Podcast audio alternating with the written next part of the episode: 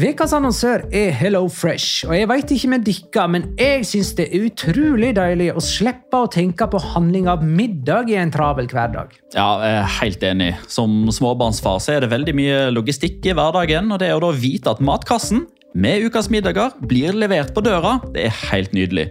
Da slipper du impulskjøp på butikken når blodsukkeret er lavt, og når du kommer hjem, kan du bare ta ut posen med dagens ingredienser fra kjøleskapet og sette i gang matlaginga. Ja, Du kan velge mellom 25 ulike retter hver uke. Og de har faktisk en egen kategori som heter Raskt og enkelt, med masse enkle og gode oppskrifter. Veldig greit å ikke måtte ty til takeaway hver gang det er hektisk på jobb. Jeg gleder meg spesielt til sterk chilikylling i min neste kasse. Jeg blir sulten bare av å tenke på det.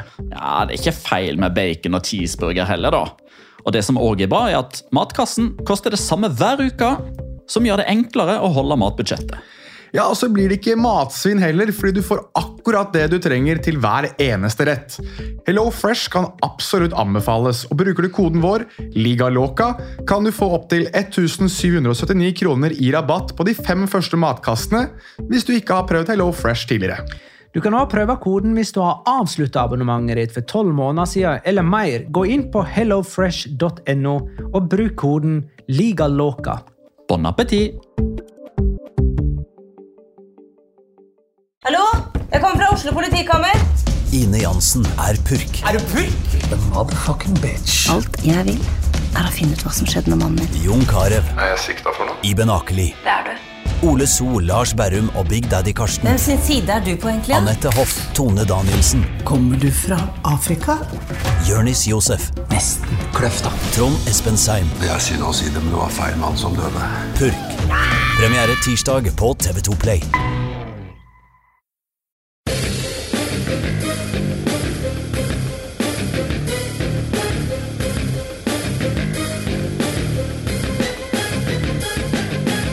Har du sett?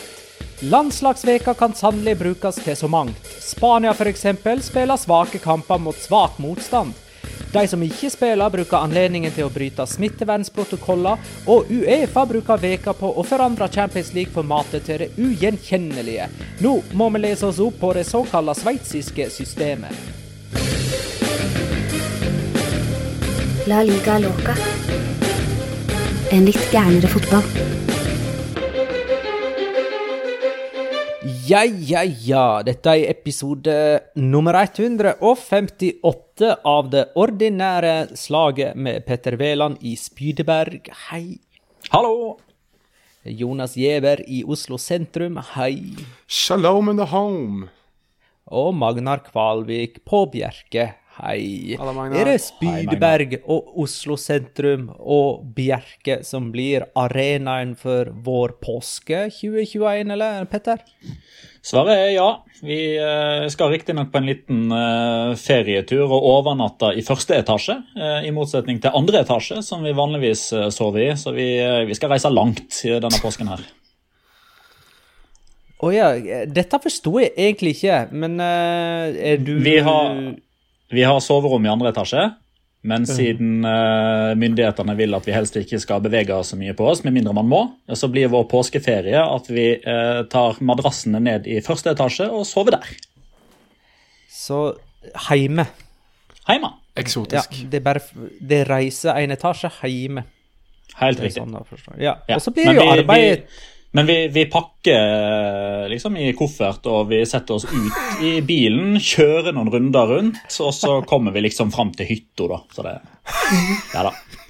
Jeg syns det var en eh, bra plan. Sånn skal jeg jo Ja, gjøre. da. Det, dette hadde du forstått mer av eh, Eller du kommer til å forstå mer av det, Jonas, når du har Ja, ja, det er helt sikkert. Det er helt... Barn som jeg veit om, da. Det kan jo godt være at det eksisterer. Ja, ikke sant? Som du tilbringer påsken med. Men du skjønner, eh, fot, eh, klubbfotballen begynner jo å rulle igjen i påskehelga etter at eh, landslagsveka på en måte har vært gjennom eh, palmehelger. da. Så jeg regner med det er arbeid igjen til påskehelga på deg da, Petter. Og Ja. jeg òg, for den del. Ja, eh, du skal vel kommentere, både regner jeg med og håper. Jeg skal vaktsjefe litt eh, når det er en eh, Ja, det må jeg faktisk si, altså. Denne helga her så eh, triumferer den tyske lørdagen den spanske med Dortmund-Frankfurt og Bayern-Leipzig, eller Leipzig-Bayern. Ja, men søndagskveld så er det nå i alle fall Sevilla Atletico som står på ditt program, eh, Petter. Helt riktig. Ja. Eh, deg og Jonas? Ja, jeg har jo litt uh, ulikt dere. Jeg skal faktisk jobbe, jeg. Uh, på Altså hele den uka her, også torsdag og fredag. Og så har jeg fri lørdag og søndag. Jeg har vanlig arbeidsuke. Så det um, Jeg skal få lov til å benke meg, mens Petter skal få lov til å svette litt ekstra som vaktsjef. Ja.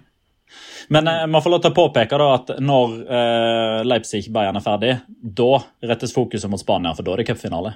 Det er det. Det er nemlig det, skjønner du. Det er det. Det er det. Er, da er det Atletic Real Sociedad. Eventuelt motsatt. Jeg er ikke sikker på hvem som har satt, blitt satt opp som heimelag. Hvem bryr seg? De skal spille i Sevilla uansett. Det er bare piss og møkk.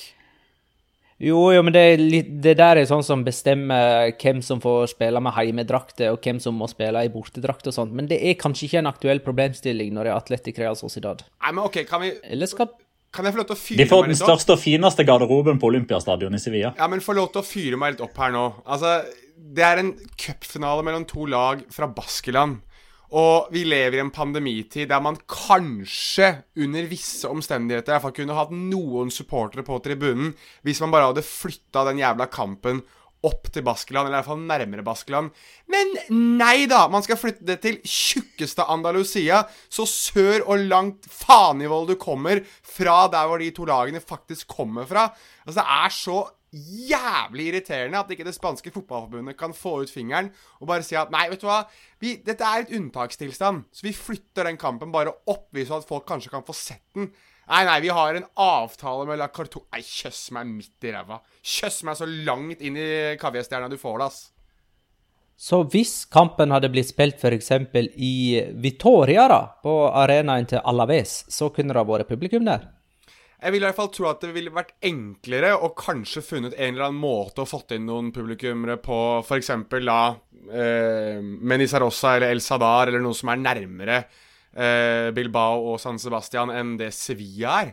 Altså det, det, er jo snakk om at det, det, måtte jo vært folk som skulle reist i lange horder for å se denne kampen her òg. Det er vel spanske myndigheter som til syvende og sist har satt ned foten og sagt at nei, ingen får lov til å komme inn. Men jeg skulle tro at det ville være et enklere argument å si at ja, men det er kanskje litt enklere hvis reiseveien også er litt kortere for de supporterne som faktisk skal på kampen.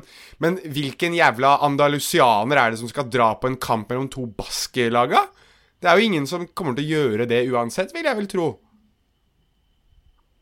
Nei, uh, ikke veit uh, jeg. Men kampen skal nå spilles i alle fall, og spennende blir det. det er altså Copa del Rey-finalen for 2020, bare sånn at det er sagt. Uh, to uker seinere så er Copa del Rey-finalen for 2021. Med publikum. Den, hmm? Med publikum. Ja, hvor mange da? En tredel av stadions kapasitet? Ja, maksimalt. Ja, Men eh, var ikke det der først uh, stemt opp, og så ned, og så fram, og så tilbake? Jo, men det som er greia er jo at uh, altså Jonas har uh, ganske mye rett i det han sier. fordi uh, En av årsakene til at den 2020-cupfinalen blir spilt for tomme tribuner, er jo at Atletic og Real Sociedad har sagt nei til å ha publikum. De har fått lov til å åpne stadion, men pga. at kampen da blir spilt så langt unna, så mener Atletic og Real Sociedad at de ikke tjener samfunnet hvis de får horder av baskere til å sette snuten sørover. Eh, så han har rett i det at eh, det er ødeleggende sånn sett at kampen blir eh, spilt der den blir spilt. Mens Barcelona og Atletic vel ennå ikke har i hvert fall ikke tatt et sånt standpunkt. Det er jo Atletic må jo eventuelt ta det samme standpunktet for 2021. Sånn som jeg forstår det, så har Barcelona lyst til at det skal slippe inn folk, for de vet at det er nok Barcelona-supportere i og rundt Sevilla til at de fyller opp sin kvote mm. uansett. Mens Atletic nok gjør dette litt sånn i solidaritet pga av at 2020-finalen ble jo utsatt eh, i utgangspunktet i sin tid pga. at man fikk ikke ha folk på tribunen, og dette er et Basker-derby, og de er i samme situasjon som Real Sociedad. Så derfor brødrer man seg litt og tenker Baskaland står imot uh, alle. Mens nå er det Baskaland med Catalonia, så da kan hende at de tenker litt annerledes uh, til den 2021-finalen. Uh, hvem vinner Copa del Rey-finalen denne lørdagen mellom Atletic og Real Sociedad, Petter? Den vinner Marcelino, altså Atletic. Jonas. Atletic og Marcelino. Da sier jeg Real Sociedad. Så to av tre mener Atletic vinner Copa del Rey-finalen 2020. Jeg tror, eh, jeg tror Atletic vinner begge. Jeg sitter med en sånn artig følelse at Marcelino vinner da tre år på rad. jeg håper nesten litt på det, bare fordi at det hadde vært skrekkelig morsomt å ha det som en sånn kuriosa. Den er god. Spanias landslag har spilt eh, kamper denne veka her, kan du si. da. Eh, De skal spille en kamp til og kommende onsdag. De spilte 1-1 mot Hellas, der Alvaro Morata skåra. Og så slo de Georgia så vidt 2-1 eh, i en kamp der det var uavgjort til eh, tilleggstiden. Da skåra eh, Dani Olmo seiersmålet for eh, Spania etter at Ferran Torres hadde utligna for eh, Spania. De møter altså Kosovo på onsdag og har i tillegg Sverige i sin gruppe. Og i skrivende stund så har Sverige tatt seks av seks mulige poeng og er to poeng framfor Spania i den gruppa. Kampene til Spania bærer litt preg av treningskamper med masse rotering fra oppgjør til oppgjør og mange byter underveis. De har brukt 21 spillere på to kamper, eh, Petter. Ja, det fortsetter jo bare den trenden som Luis Henrique har hatt egentlig i begge sine to perioder. Vil man nesten si at det er to forskjellige perioder, i og med at Robert Moreno var inne og kokte litt i gryta, eller rørte litt i gryta i, i mellomtida der, da han eh, tok permisjon. Eh, det er jo enormt med debutanter som har fått sjansen under Luis Henrique. Det er enormt med utskiftninger fra landslagstropp til landslagstropp. Eh, han leiter om det er forgjeves, vet jeg ikke. Han har febrilsk i alle fall etter sin beste elver. Eh, et par av de endringene som ble gjort fra Hellas-kampen til eh, Georgia-kampen, var jo på mange måter litt framprovosert av ytre omstendigheter òg, med tanke på at Alba og Busquets ikke var i, i god nok fysisk stand til å spille den første kampen pga. at de hadde spilt kamp i San Sebastian sen søndag kveld. Eh, Så de to hadde nok starta den første kampen òg hvis målet var å starte med en toppa elver. Og så har Gerard Moreno vært ute med skade, og så har Daniel Carvajal vært ute med skade. og så Uh, er det sikkert mange formildende omstendigheter, men til syvende og sist er jo ikke det Spania har levert i de to kampene godt nok i det hele tatt, ut ifra de standardene som de har satt for seg sjøl, og, og som vi egentlig må få lov til å ha. Jeg sitter med en sånn følelse at dette her Spania-laget her Jeg tror egentlig jeg sa under forrige mesterskap òg, når jeg tenker meg om. Det, det liksom, skal være fornøyd hvis det kommer til kvartfinale i et mesterskap. Det det er en bra prestasjon for dette Spania-laget her. Jonas?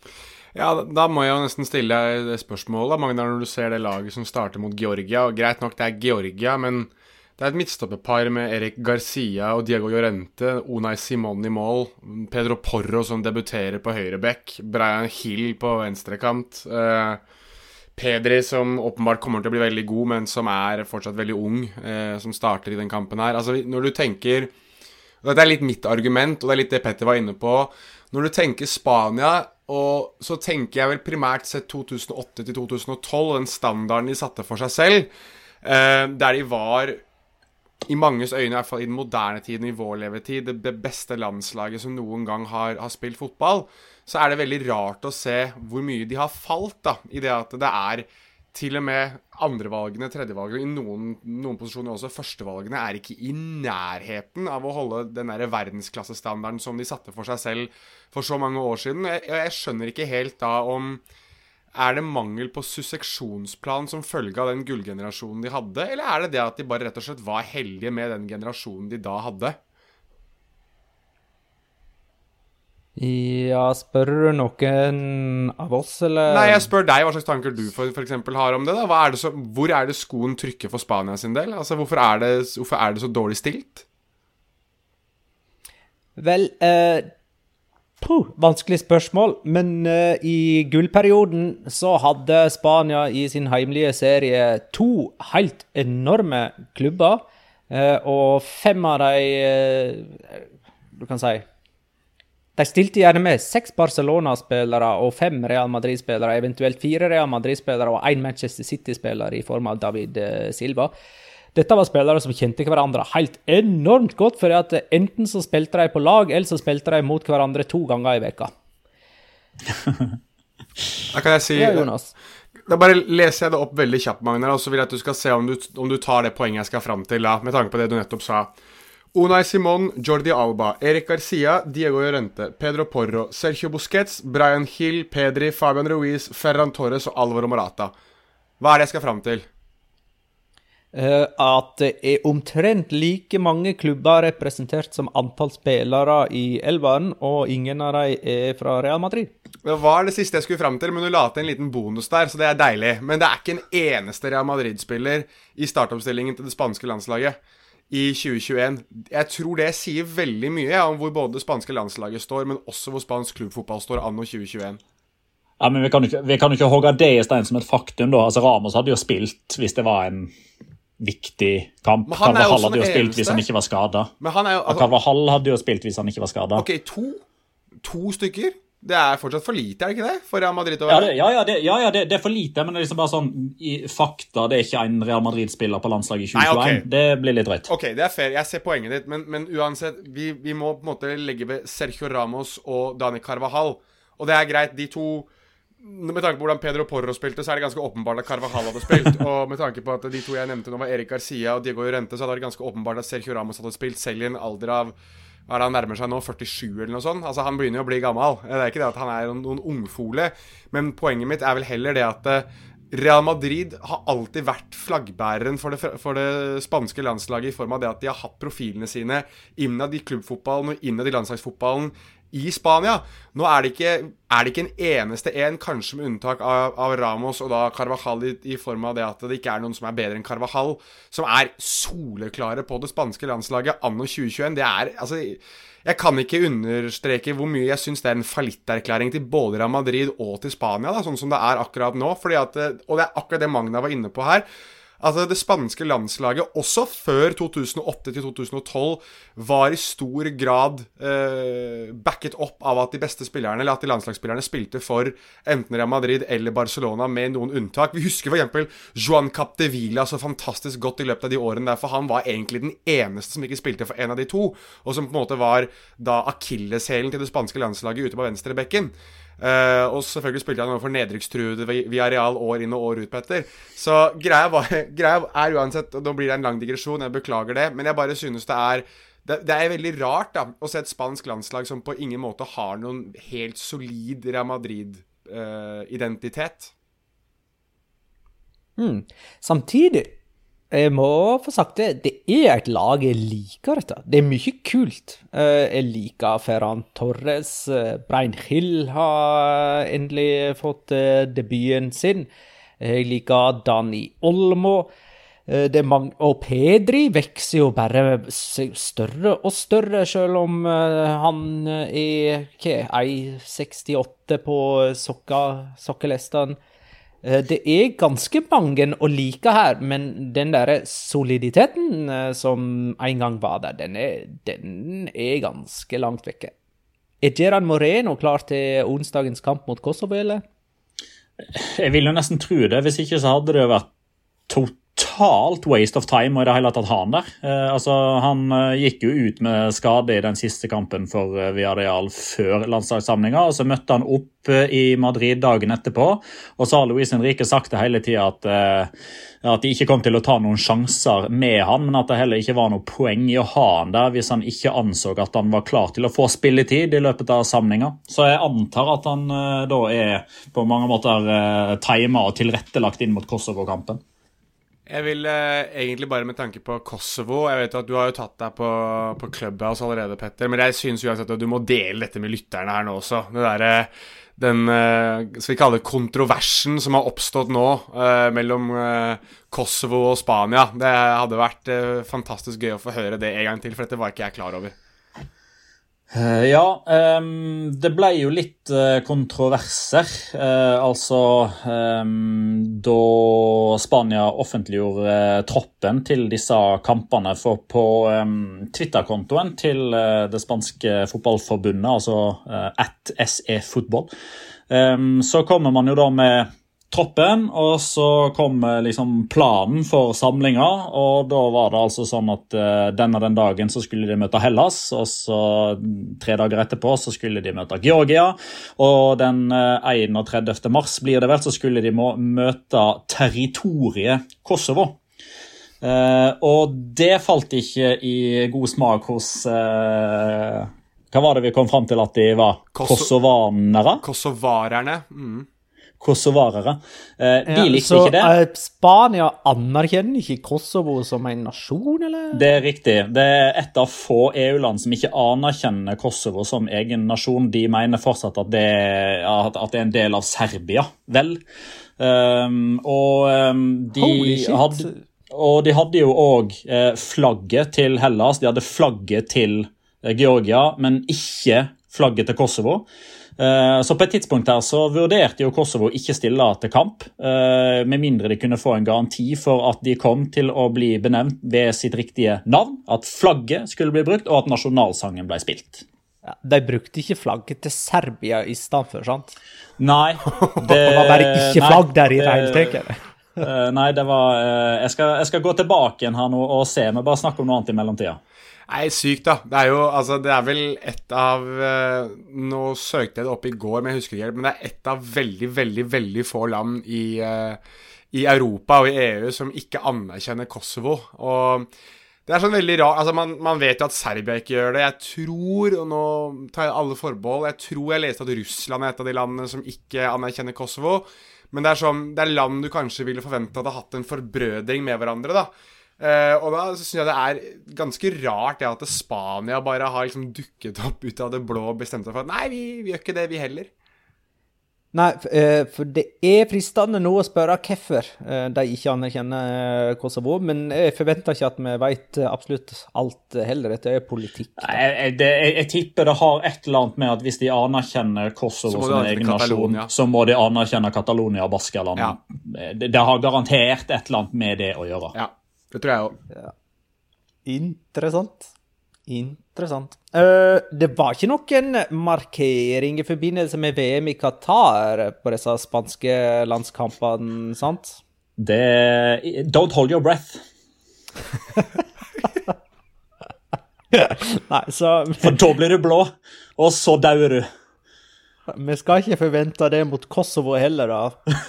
Da, da kommer de vel heller bærende på det serbiske flagget, da. Ja. Det er, vel mest, det er vel mest sannsynlig det at de kommer til å ta av seg de treningsjakkene sine, og så viser de T-skjorte med bare en stor eh, mellomfinger pekt direkte inn i kameraet til eh, alle og enhver, tenker jeg. Ja. Fot, fotball nå er politiker, kommer det til å stå på draktene deres. Ja, herregud. Ja, de kjører en sånn derre eh, En markering mot eh, motstanden, de.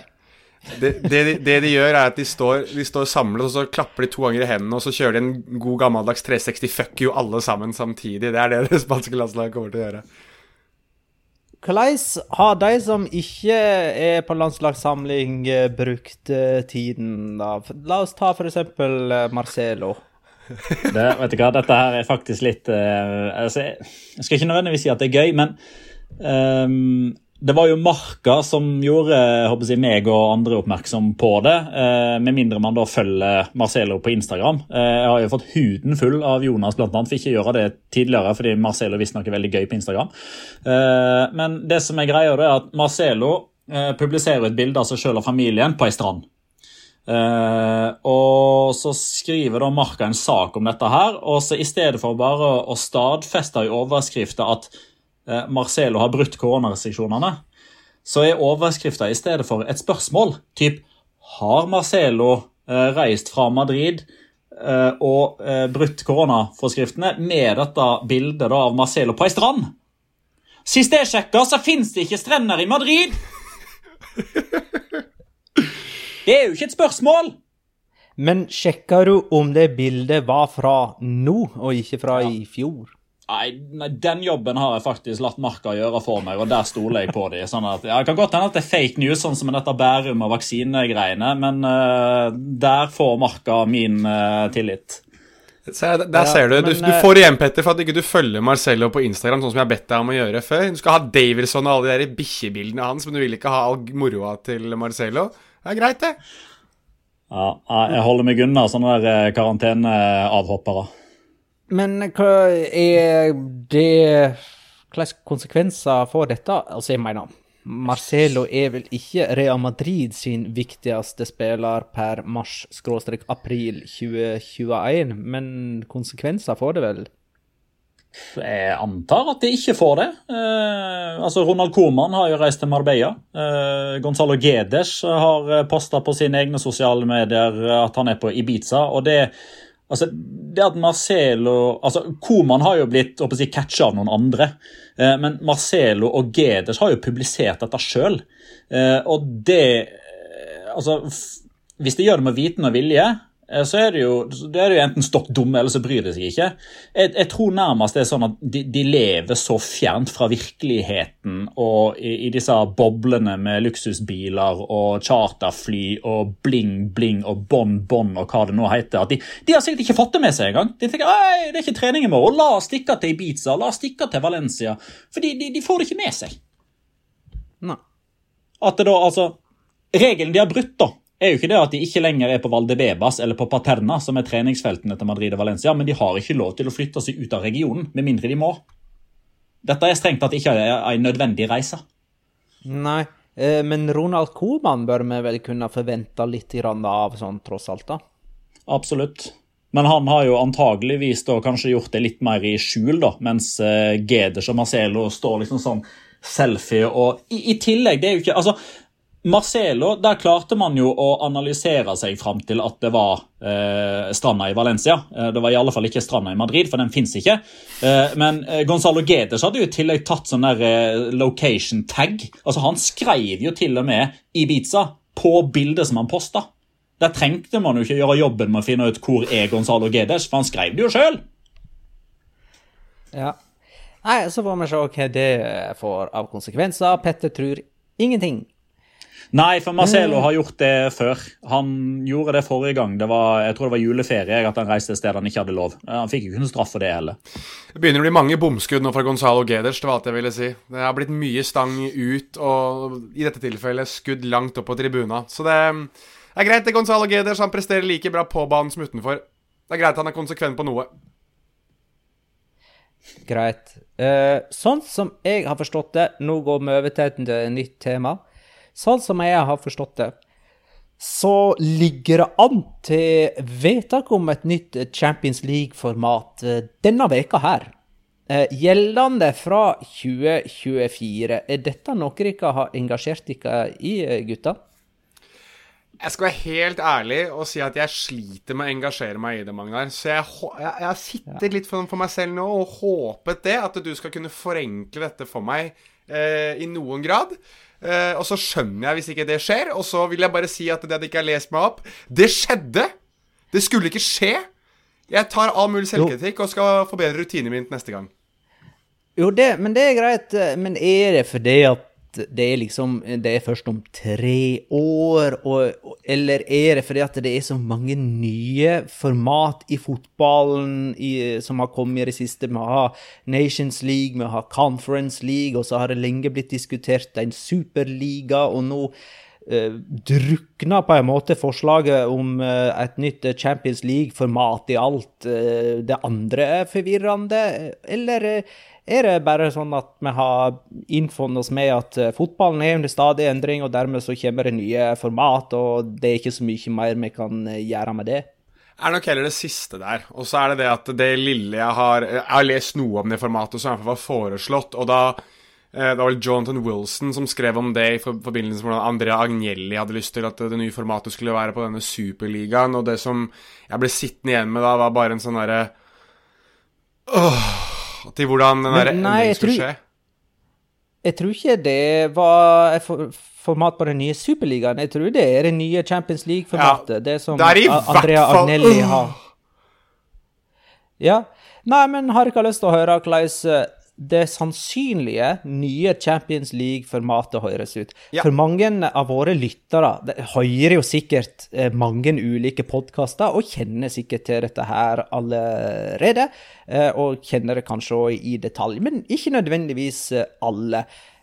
Og det er altså et helt nytt format som ser ut til å bli gjeldende fra og med 2024.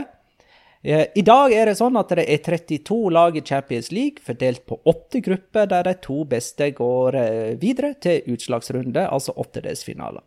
I det nye forslaget så utgår dette gruppespillkonseptet.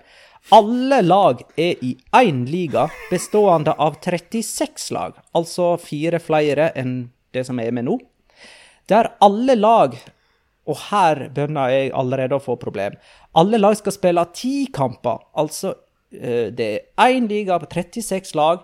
Man skal ikke møte alle som er i denne ligaen, man skal bare møte ti av dem. Og man møter ti lag basert på et rangeringssystem. Hvordan man har tenkt å rangere, og hvordan man har tenkt å velge motstandere i dette systemet, det vet jeg ikke helt. Man får fremdeles tre poeng for seier, ett poeng for uavgjort, og når alle har spilt ti kamper, så har man en tabell da, bestående av disse 36 lagene. De åtte øverste på denne tabellen går videre til åttedelsfinale. De neste 16 lagene, altså lag fra nummer 9 til nummer 24 på denne tabellen, skal møtes i en slags playoff for å avgjøre hvem av de som får være med inn i åttedelsfinalen. For eksempel altså, kan laget som ble nummer 9, møte laget som ble nummer 24, og vinneren går til åttedelsfinale.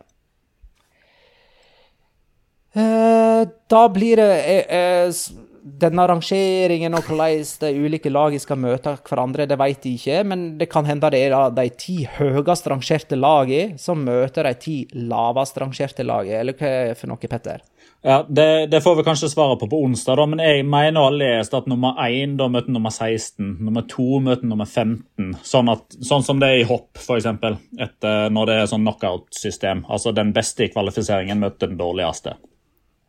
Dette er, dette er, veldig amerikansk. Dette er et ekstremt amerikansk system. Jeg må få sagt det. Sånn, nummer én møter nummer åtte er playoff-systemet i USA. Så hvis du da har en grunnserie på 82 kamper f.eks. i basketball, og så har du East og West, og så har du da det laget som endte med best record de møter da det laget som endte med dårligst record, men som var akkurat innenfor til å kvalifisere seg til playoff. Så dette her er ekstremt amerikansk. Ja, men det er 36 lag, da, så det høyest rangerte møter f.eks. La, lag nummer 36? Ja, riktig. Nei, nei, nei, nei. i, i sluttspillet, når man går videre i ja, åttedelsfinalen. Ja. Men, men hvordan man men, de men, ti kampene man skal spille i selve gruppespillet? Ja, man vil, jo, man vil jo fortsatt ha seeding. Man vil ha ni Ja. lag som er første side, ni lag som er andre side, tredje side, fjerde side. Ja, Og så sånn, ja. møter du like mange som er andre side, og tredje eh, side og fjerde side. Eh, Med unntak av én, fordi det vil da ikke være tolv kamper, men ti. Mm. Så noen av disse pottene vil du da bare møte to av, og det vil være helt tilfeldig.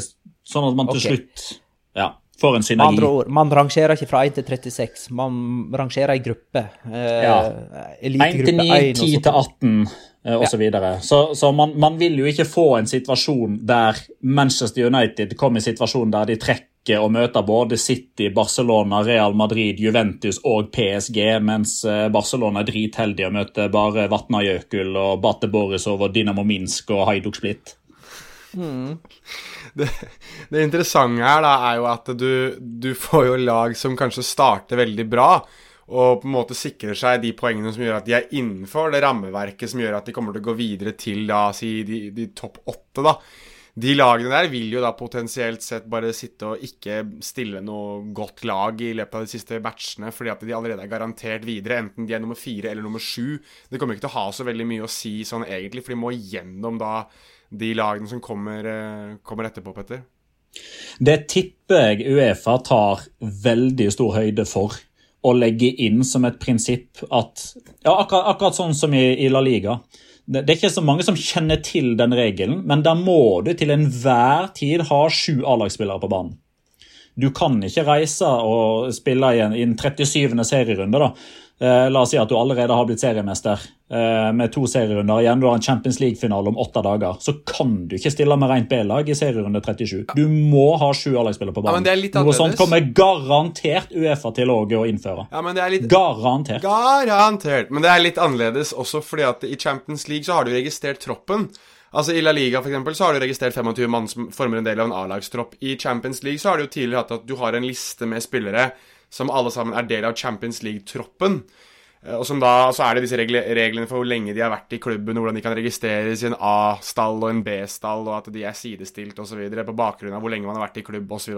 Bla, bla, bla, bla, bla. Dette har vi lest masse om. Det er en av grunnene til hvorfor Jens Petter Hauge ikke spiller Europa League for AC Milan, for han har ikke vært der lenge nok osv. Men da må du jo også velte om på det systemet der, da. At du har et rent Siden dette her nå blir jo et seriespill, så må du kanskje gjøre sånn som du skal fram til, da.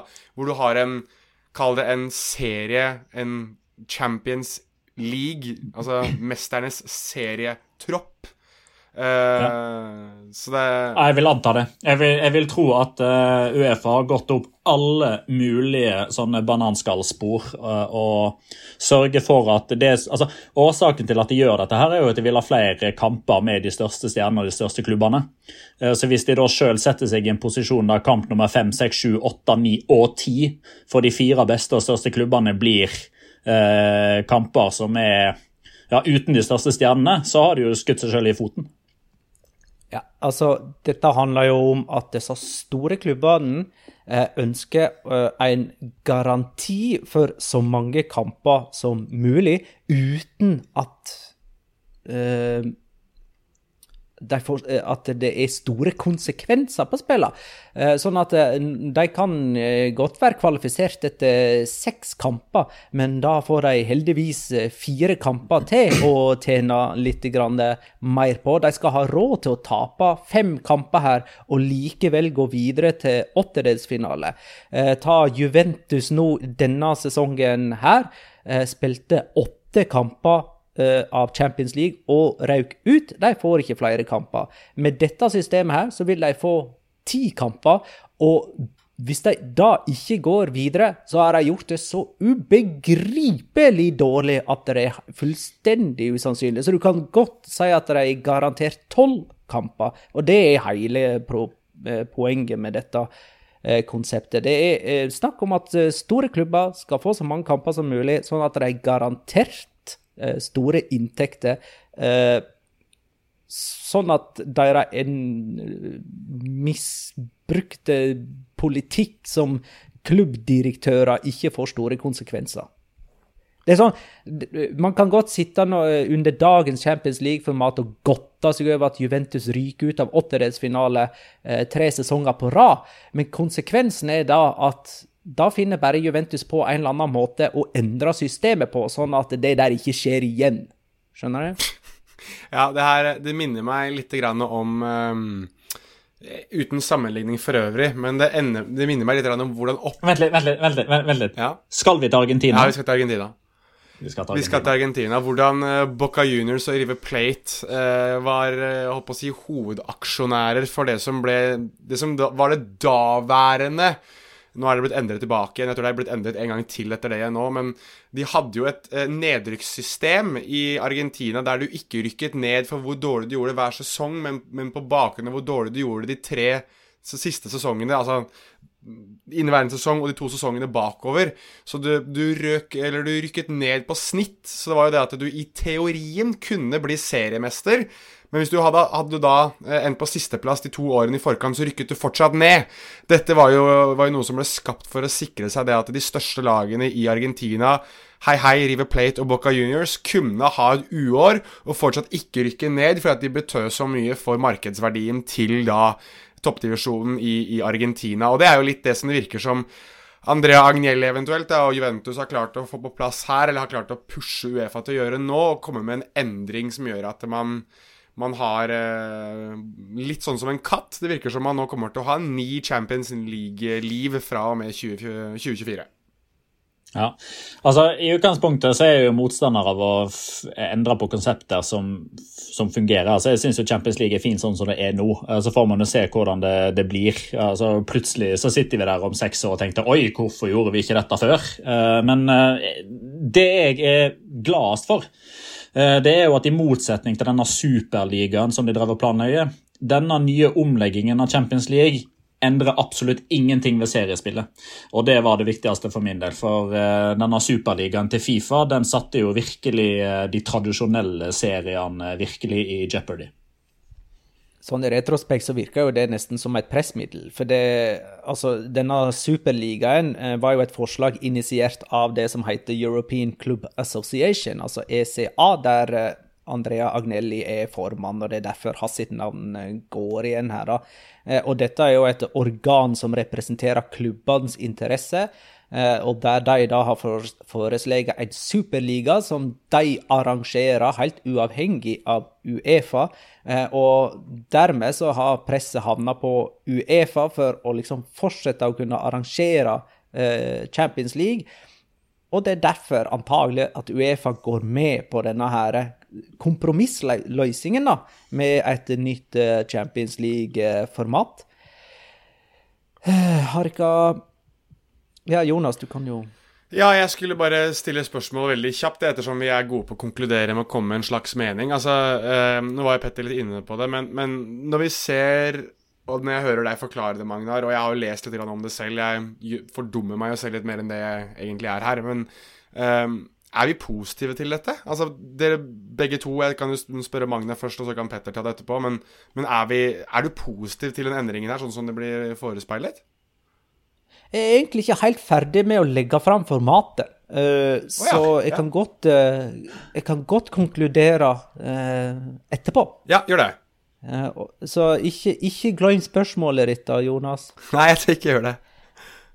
Eh, for eh, en del av formatet her eh, som er viktig å ha i mente, det er jo disse fire ekstra plassene. Altså det er 32 lag i Champions League sånn som formatet er nå, mens det er lagt opp til 36 plasser i det nye formatet. Og de fire ekstra plassene skulle man kanskje tro gikk til serievinnere av mindre ligaer rundt omkring i Europa, men det er ikke forslaget.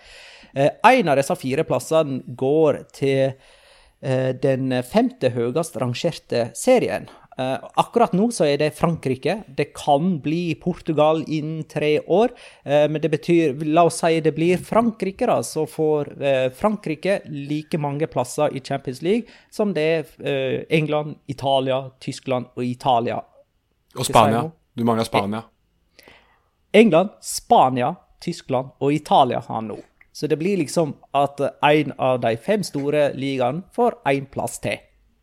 Eh, det er den ene plassen. Den andre eh, av disse ledige plassene går til et lag som har prestert bra i Champions League i det siste. Eh, men som ikke er direkte kvalifisert inn i turneringen. F.eks. Ajax, som kom til semifinale i 2019, eh, og som likevel måtte gjennom playoff for å komme inn i Champions League sesongen etter. Eh, et sånt lag vil få gratis pass inn i Champions League med det nye systemet. Og så det mest interessante det er de to siste ledige plassene de er reservert til storklubber som skulle være så uheldige at de ikke kvalifiserer seg gjennom en god nok tabellplassering i nasjonalliga. Sånn som i Premier League akkurat nå. Liverpool er nummer sju, altså ligger ikke an til å være med i Champions League neste sesong. Men med det nye formatet vil de likevel få lov til å være med pga. ansiennitet. Det vil si deres prestasjoner i Champions League gjennom de siste fem sesongene. Og like over Liverpool på Premier League-tabellen, der ligger Tottenham, som jo spilte Champions League-finale i 2019. Kanskje de òg har bra nok record da fra de siste fem Champions League-sesongene til å få lov til å bli med inn i Champions League. Uh, neste sesong. Mens Westham, som er nummer fem, de har jo ikke vært med i Champions League i det hele tatt, så de kan vi bare drite i. Så da, i, i, det scenarioet der så får altså uh, Premier League seks klubber med. Og eh, det er ikke inkludert laget som ble nummer fem i Premier League, nemlig Westham, som aldri har vært med i utgangspunktet. Jeg bare, jeg bare lurer på sånn eh, For eh, Trøndelags skyld, eh, står det noe om de kan få med lag som historisk har vært med veldig mye, men som ikke har vært med de siste hva da, 15 årene eller noe sånt? Nå, nå er det ikke så lenge siden, men i hvert fall over ti år siden Rosenborg var med. Men Rosenborg må jo tenke at eh, den der ene plassen der må jo de Ville jo de hatt kapret hvis dette systemet ble innlosjert for et par år siden? Det er parameter nummer fem. Det, det er Wheel of the 90s. Ja, da kamper blir spilt på Stadio della Alpi, da kan man få lov til å Da kan man få lov til å være med. Ja, nei. Ja. Nei, jeg liker det jo egentlig ikke. Jeg gjør jo ikke det. Men uh, jeg har ikke likt ting før eh, og endte opp med å like det. Så det kan hende at det snur kappa etter vinden eh, etter hvert som eh, det begynner å blåse. Magnar? Ja, men for, ja, altså for det første, jeg er ikke glad i et seriesystem der ikke alle skal møte hverandre. Eh, der der man liksom man får poeng basert på de man har møtt, og så kan det hende man får mer poeng enn andre lag som kanskje har hatt vanskeligere motstand, faktisk, i løpet av den samme perioden. Eh, og jeg syns det er vanskelig å sette opp en tabell når, når ikke eh, de lagene som er i den tabellen, har hatt den samme motstanden. Eh, og jeg vet at det, det finnes turneringer der, der sånne ting eksisterer allerede. Det er sånn i håndball og i og dette eh, systemet her, den, dette formatet eh, som blir kalla sveitsisk system, det er jo ikke et nytt turneringsformat. Det har eksistert i mange, mange år. Det, det var første gang brukt i en sjakkturnering i Zürich 1895. Det er derfor det heter sveitsisk system, og må ikke forveksles med sveitsisk fotball eller noe. Eh, Så det er et problem jeg har med turneringen. Eh, Og disse fire ekstra plassene har jeg jo et eh, stort problem med. Altså at man kan kvalifisere seg basert på resultat fra de siste fem sesongene, og ikke det man faktisk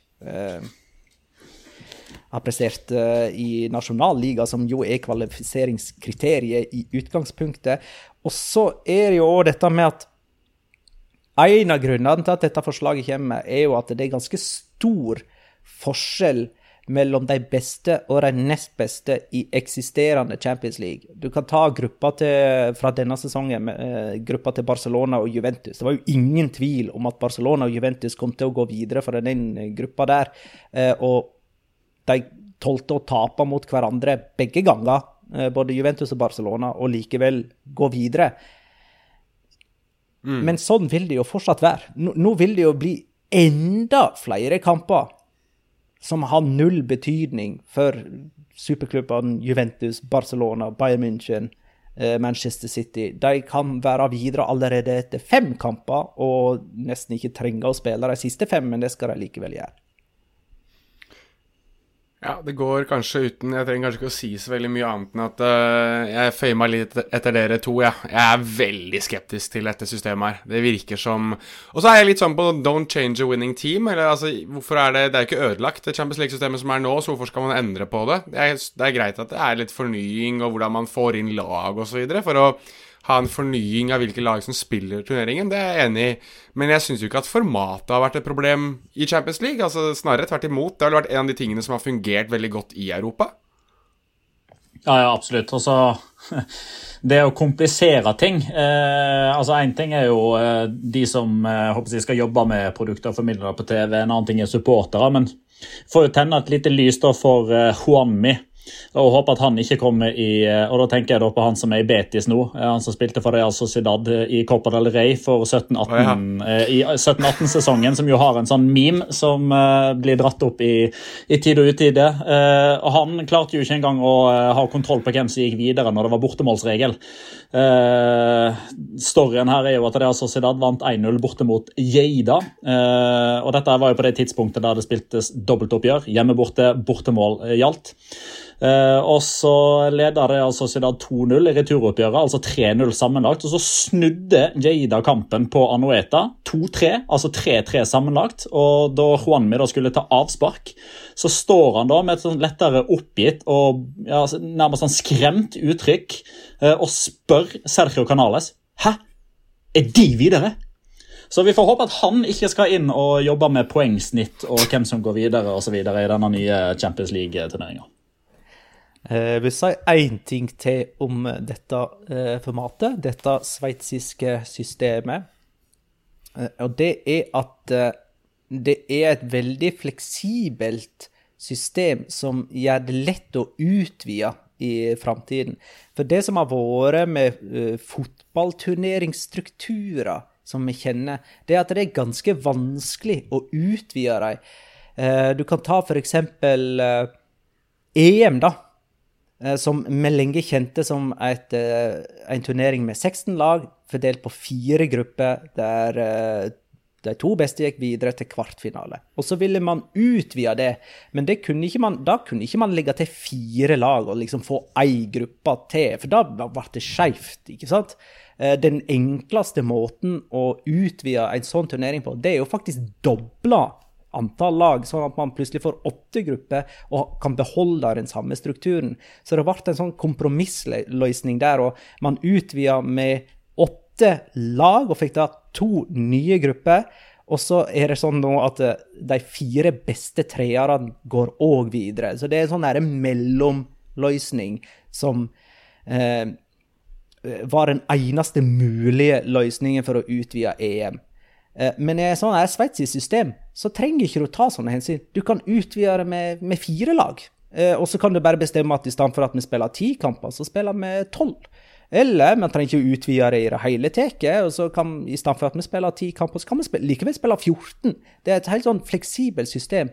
Og uh, dette her vil jo da eventuelt gjelde fra 2024 til 2027. Så fra 2027 så kan det godt hende at det er 36 lag og 12 kamper per lag. Og fra 2030 så kan det være 40 eh, klubber og 15 kamper per. Sant? Man kan bare utvide eh, nett som man vil. Det har ingen strukturelle betydninger. Og det føles som det er i den retningen det går, da. Denne endringen medfører en enorm fleksibilitet til å stadig vekk bare utvide og utvide hvert tredje år. Fantastisk. OK. Uh, vi kan jo snakke litt uh, spansk fotball uh, i fortvilelsens tid. Segunda divisjon har jo blitt uh, spilt denne helga, selv om det har vært landslagsfotball. Det er La Liga-kjenninga som er på de seks øverste plassene i Segunda. Español og Mallorca ser ut til å ha bra grep om direkte opprykksplasser. Uh, Almeria, Leganes, Sporting Gijon og Rayo Vallecano ligger på playoff. Men så skal vi ha et øye til Ponferradina, som er nummer sju, bare to poeng bak uh, playoff. De har aldri spilt på øverste nivå før, og vi har jo nesten blitt litt sånn bortskjemte med La Liga-debutanter de siste årene. Det er fortsatt mye igjen som skal spilles. Uh, ja, jeg tror Jonas hadde to fingre først i været. Jeg skal være veldig kjapp. Jeg, jeg ville bare Jeg syns jo uh, Kurosa som dette er veldig gøy. Uh, jeg sitter og ser på resultatene fra, fra, lørdagens kamper, altså den 27. mars. Og der skulle jo Raja Vallecano møtt Mirandes, men den ble utsatt, for det har vel vært koronautbrudd i Mirandes som gjør at de, de ikke spilte den kampen. Men jeg bare leser opp resultatene som en sånn der gammel odds-oppleser på, på NRK. Real eh, Oviedo mot Ponferradina 1-1. Almeria Leganes 1-1. Cartagena Malaga 1-1. Logroñez, eh, Real Zaragoza 1-1. Alle kamper endte 1-1, og når vi da tar også med oss søndagen, der ble det spilt tre kamper, og den siste av de, Tenerife mot Las Palmas, 1-1. Så alt sammen eh, ser ut til å, å ha vært eh, ja, litt i vater, kan vi kanskje kalle det, med tanke på at alt sammen ender uavgjort, Petter? Ja, og så skulle jeg bare dra, en, eh, dra videre på Magna sitt uh, resonnement inn på Ponferradina om at vi har blitt uh, bortskjemt med sånne nye klubber som debuterer i, uh, i La Liga. Vi har jo òg blitt bortskjemt med gamlinger. altså Nino, som ble med Elche opp. vi har Jorge Molina, vi har Roberto Soldado, Alvaro Negredo. Toppskåreren til Ponferradina er jo gode, gamle 38 åringen Juri. Uh, uh, De Sousa Fonseca han, jo, altså, han, er jo en sånn klubblegende. Altså, han har jo spilt for Ponferradina siden 2009. Uh, dette, jeg vet ikke om dere husker han der Pablo Infante i Mirandes, som ble toppskårer i Copa del Rey den sesongen de gikk til semifinalen. Eh, han var en sånn semiprofesjonell type, så han gikk på jobb eh, bokstavelig talt på, eh, på, formiddagen. og Så trente han litt fotball på ettermiddagen, så ble han toppskårer i Copa del Rey. Eh, og han har jo en bror som heter Igor de Sousa Fonseca, som òg har vært en sånn målskårer eh, eh, gutt nede i divisjonene. Eh, litt sånn som ny, smal referanse, eh, men jeg leste veldig ofte resultatene og, kampfakta sånn i tips. Altså denne gode, gamle papiravisen som kom tirsdag og fredag, tror jeg det var. Og Da hadde jeg alltid merke til at når Levanger hadde spilt kamp, så var det Vegard Alstad Sunde Kokk han hadde alltid skåra masse mål. Dette her er jo Spanias versjon av Vegard Alstad Sunde. Ekstremt smal eh, referanse. Johan Sjøbakk Lund, hvis du hører på, du kommer til å ta den. Men det som òg er kult, er jo at disse to brødrene er jo eh, søskenbarnet til Charles. Altså Charles Diaz, som spilte i Celta, og Eibar, og alle disse er jo brasilianere. Så hva, la oss få opp Juri, eh, så har Magnar en eh, historie å fortelle underveis i kommenteringa. Eh, to av eh, de klubbene som ligger på playoff i eh, Segunda, Almeria og Leganes, møtte jo hverandre nå. Der fikk Robin Perez rødt kort for Leganes etter kvarteret. Og Så tok Almeria ledelsen først to minutter på overtid. Og så fikk Leganes straffe ti minutter på overtid og utligna. Og Almeria-trener José Gomez fyra seg bra opp på pressekonferansen etterpå. Skal du eller jeg, Magna? Skal vi ta det i kor? Skal vi telle til tre og så kjøre det samtidig? Ja, vi gjør det. Ok, En, to, tre. Nosotros, Nosotros merecemos, merecemos respeto! respeto! Ja, det har gått sin seiersgang på Twitter. Det som er litt moro, er jo at han er helt rolig i begynnelsen, og ett sekund seinere så er han eh, fyra opp eh, i 100. Og det må jo bli en slags uh, gif. Altså, jeg tipper den der kommer til å bli brukt sånn Den kommer til å bli brukt på samme måte som uh, Porqué og If I Speak I'm in Trouble. Uh, siempre negativo, nunca positivo. Altså, det er, det er en sånn type uh, fem sekunder. Todo ok, José Luis. ja, det har du han òg. Uh, men altså, ja, altså Grunnen til at han fyra seg opp, var jo dette uh, VAR-straffesparket som Leganes fikk uh, idømt i de 94., og som de vel da fikk omsatt i skåring i de 99. jeg legger jo igjen merke til at uansett land, uansett divisjon, så er trenerne kun opptatt av å snakke av de VAR-situasjonene som gikk i deres favør. Altså Leganes-trener Asier Garitano, hei sann, 2017 ringte og sa at de var tilbake tilbake igjen. Uh, han klager jo på utvisninga til Ruben Perez. Uh, den nevnte jo ikke José Gomez uh, underveis i sin tordentale. Nei, for det òg var jo en Skal vi kalle det var-utvisning, da? Altså, det ble først gullkort, og så gikk dommer ut ja. og så på skjermen, og så fant han ut at det var rødt kort i stedet for. Og mm. den den situasjonen lot José Gomez ligge på pressekonferansen. Ja, eh, Den som nå er hærfører i sosiale medier eh, og inn mot det spanske eh, fotballforbundet, er jo Mal, nei, Malaga, sier jeg faktisk. Almeria sin eier, Turk Al-Turki, er det det han heter? Oh, Turk Al-Sheikh, et eller annet sånt. Sheikh Al-Turki. Sheikh Al-Turki.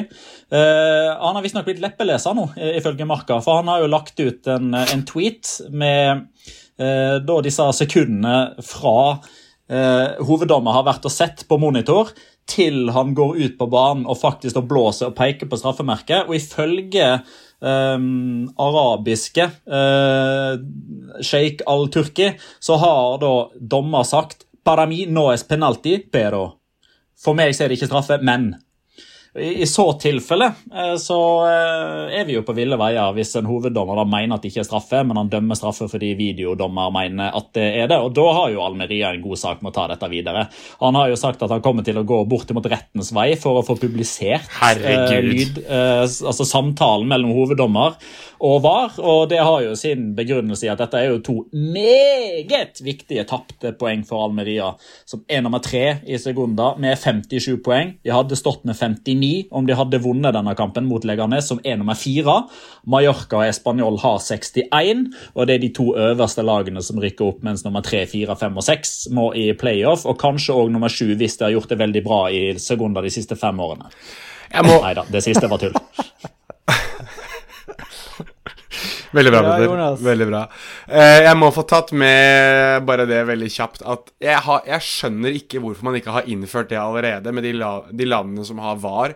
At de ikke bare publiserer det i etterkant, eller gjør det tilgjengelig på nettsidene sine. Det at man kan høre samtalene mellom VAR og hoveddommer, slik at man skjønner hva det dømmes på. I, i, i Latin-Amerika, altså eller i Sør-Amerika, mer riktig å si, i Conmebol, i Copa Libertadores, uansett hvor de spiller hvor det er VAR, så blir det publisert på YouTube rett etter kampslutt, så man kan høre nøyaktig hva dommeren har sagt med VAR.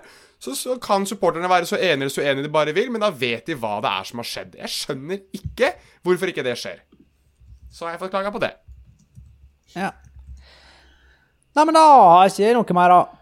Nei, Jeg har en ting. Eh, For det er, I løpet av den serierunden som var nå, så satt jeg og så Jeg satte meg ikke ned for å se det, men YouTube, der får man jo streama alle kampene i sekunder direkte, så det er veldig lett å gå liksom, inn og ut og, og følge litt med når man har tid. Jeg var innom uh, Almeria uh, Leganes, eh, og jeg var innom eh, Tenerife Las Palmas. Til sammen i løpet av de to kampene så så jeg kanskje en halvtime. Og I løpet av den halvtimen så fikk jeg med meg både denne eh, overtidsskåringa til Almeria, straffesparket i etterkant og tumultene der. Men jeg fikk jo òg med meg dramatikken som skjedde i øyderbyet, altså Kanariderbyet mellom Tenerife og Las Palmas. fordi eh, Og ja, folkens, det heter faktisk Tenerife, for Tenerife hadde vært fransk i så fall. Eh, men der var det jo òg dramatikk. Når Danny Dani Castellano eh, gikk ned etter en, jeg tror det var en time spill. Han blokkerte et innlegg med eh, han, fikk ba, han fikk ballen opp i, i brystregionen og um, sto først noen sekunder på, på beina. Uh, og ja, Så ut som at han fikk slått lufta litt ut av seg, men så plutselig så begynte han å krabbe litt rundt og var veldig utilpass. Og begynte plutselig å, å hoste eller kaste opp blod. Eh, Så da ble det jo plutselig veldig dramatisk, og eh, spillerne som eh, i hu og hast fikk Røde Kors-personell og fysio og leger osv. ut, som, som da behandla Danny Castellano på banen i mange minutter før han ble båret av banen på båra og inn i ambulanse. Han har vært på sykehus siden. Han har tvitra, så han, han har det bra.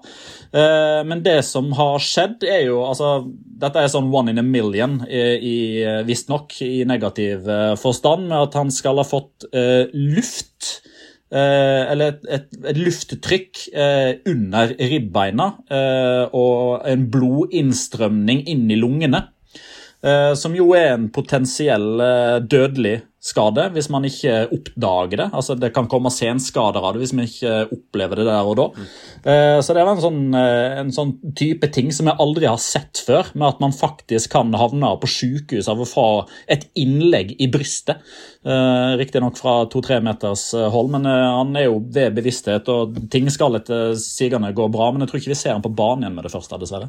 Da må jeg bare, før eh, Magnar eh, si av, runder av her, må jeg jo stille spørsmål. Som du var inne på dette med å falle sammen holdt jeg på å si, på banen. Hvordan går det med eh, Moussa Dembélé? For der var det jo også en ganske ekkel hendelse. Der det så ut til å først gå ganske ille da han segnet om på Atletico Madrid-trening. Er det noe Han har det vel bra, men er det noen ny oppdatering på hva som egentlig har skjedd der, Petter?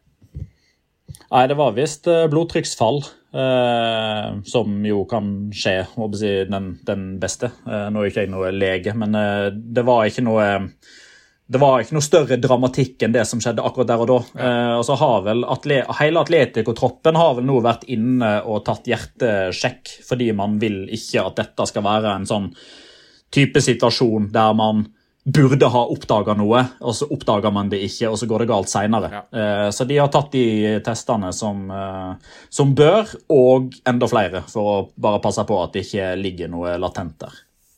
Ok, jeg vil bare ta én siste ting, eh, siden jeg glemte å ta det opp i diskusjonen vår om det spanske landslaget. Det er jo oh, ja, EM nå. nå trodde jeg du skulle komme med enda en sånn der eh, Men i tillegg til det, eh, på dette nye Champions League-formatet. Nei. Det spanske landslaget nå, eh, det er jo EM til sommeren. Eh, Og jeg nevnte jo at eh, om dette spanske laget er et kvartfinalelag i en storturnering, så skal de være fornøyd. Vel, i gruppa i EM så møter de altså Polen, Sverige og Slovakia. Går de i det hele tatt videre ifra gruppa, er spørsmålet. Eh, jeg svarer nei. Oi! Petter. Oi! Nei, men nå, eh, nå er det på tide å runde av her. Nå har du eh, Hvor Ok, mye rødvin har du drukket, egentlig? ja. Petter sier ja, og Jonas sier ja. Ja, ja. Men altså, du, du, du baserer det på Polen, Sverige og Slovakia? eh, Ja, men altså, du, ja, men, jo, men jeg er jo oppriktig nysgjerrig på hva som er Ja. begrunnelsen her. For jeg vet jo at Magnar ikke er en såkalt populist. Men altså, det, det er jo av at Spania har gjort det dårlig nå, regner jeg med. Eh, Men altså, heads up. Slovakia spilte 2-2 mot Malta for to dager siden. Ja, og Polen mangler vel akkurat nå Lewandowski for at han er ute med skade, men det polske laget, det er ganske bra. Ja da, er. Sverige har Zlatan Ibrahimovic, eh, og da går jo alt på skinner for dem. Og eh, Spania, de, de vet jeg fortsatt ikke hvordan egentlig ser ut, eller prøver å se ut. De har under Luis Henrique framstått i like mange versjoner som antall kamper de har spilt, og det er helt umulig faktisk å spå hvordan troppen deres i tatt ser ut. Jeg vil jo bare få sagt da at uh, jeg, jeg, forestiller meg et scenario der, uh, der Spania i, inn i siste gruppespillskamp egentlig trenger uh, kun et uavgjort for å gå videre. Og da vet dere jo, dere, for det er jo sånn det da blir, at da ender det i siste gruppespillskamp 0-0. Garantert!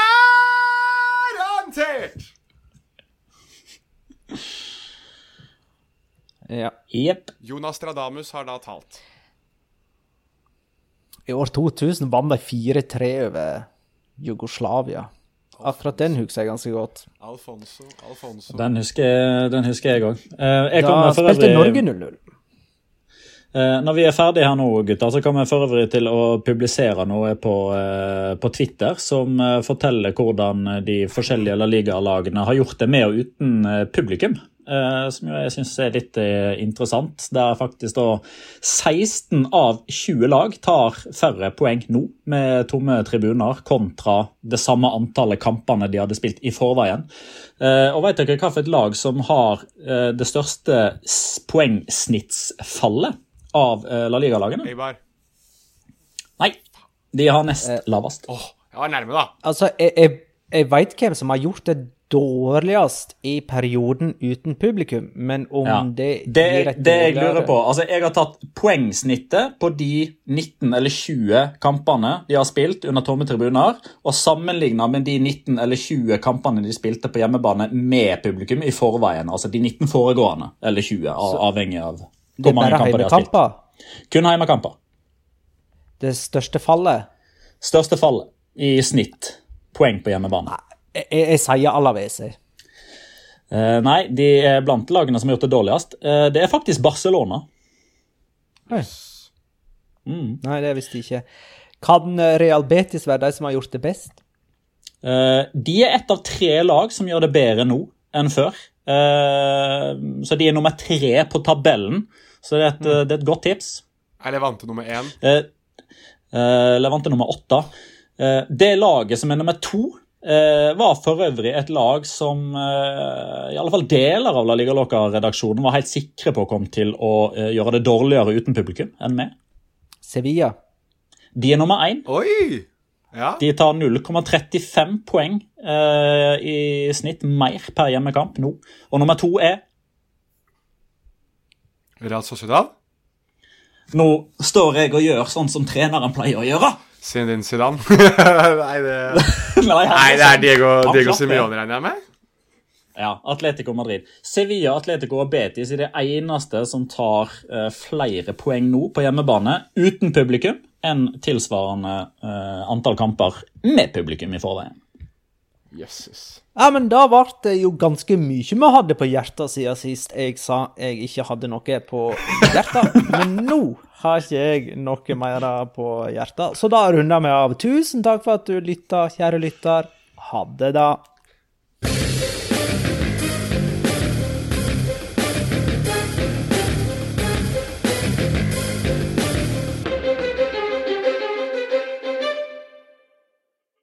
Har du et enkeltpersonforetak eller en liten bedrift? Da er du sikkert lei av å høre meg snakke om hvor enkelt det er med kvitteringer og bilag i fiken, så vi eh, gir oss her, vi. Fordi vi liker enkelt. Fiken superenkelt regnskap.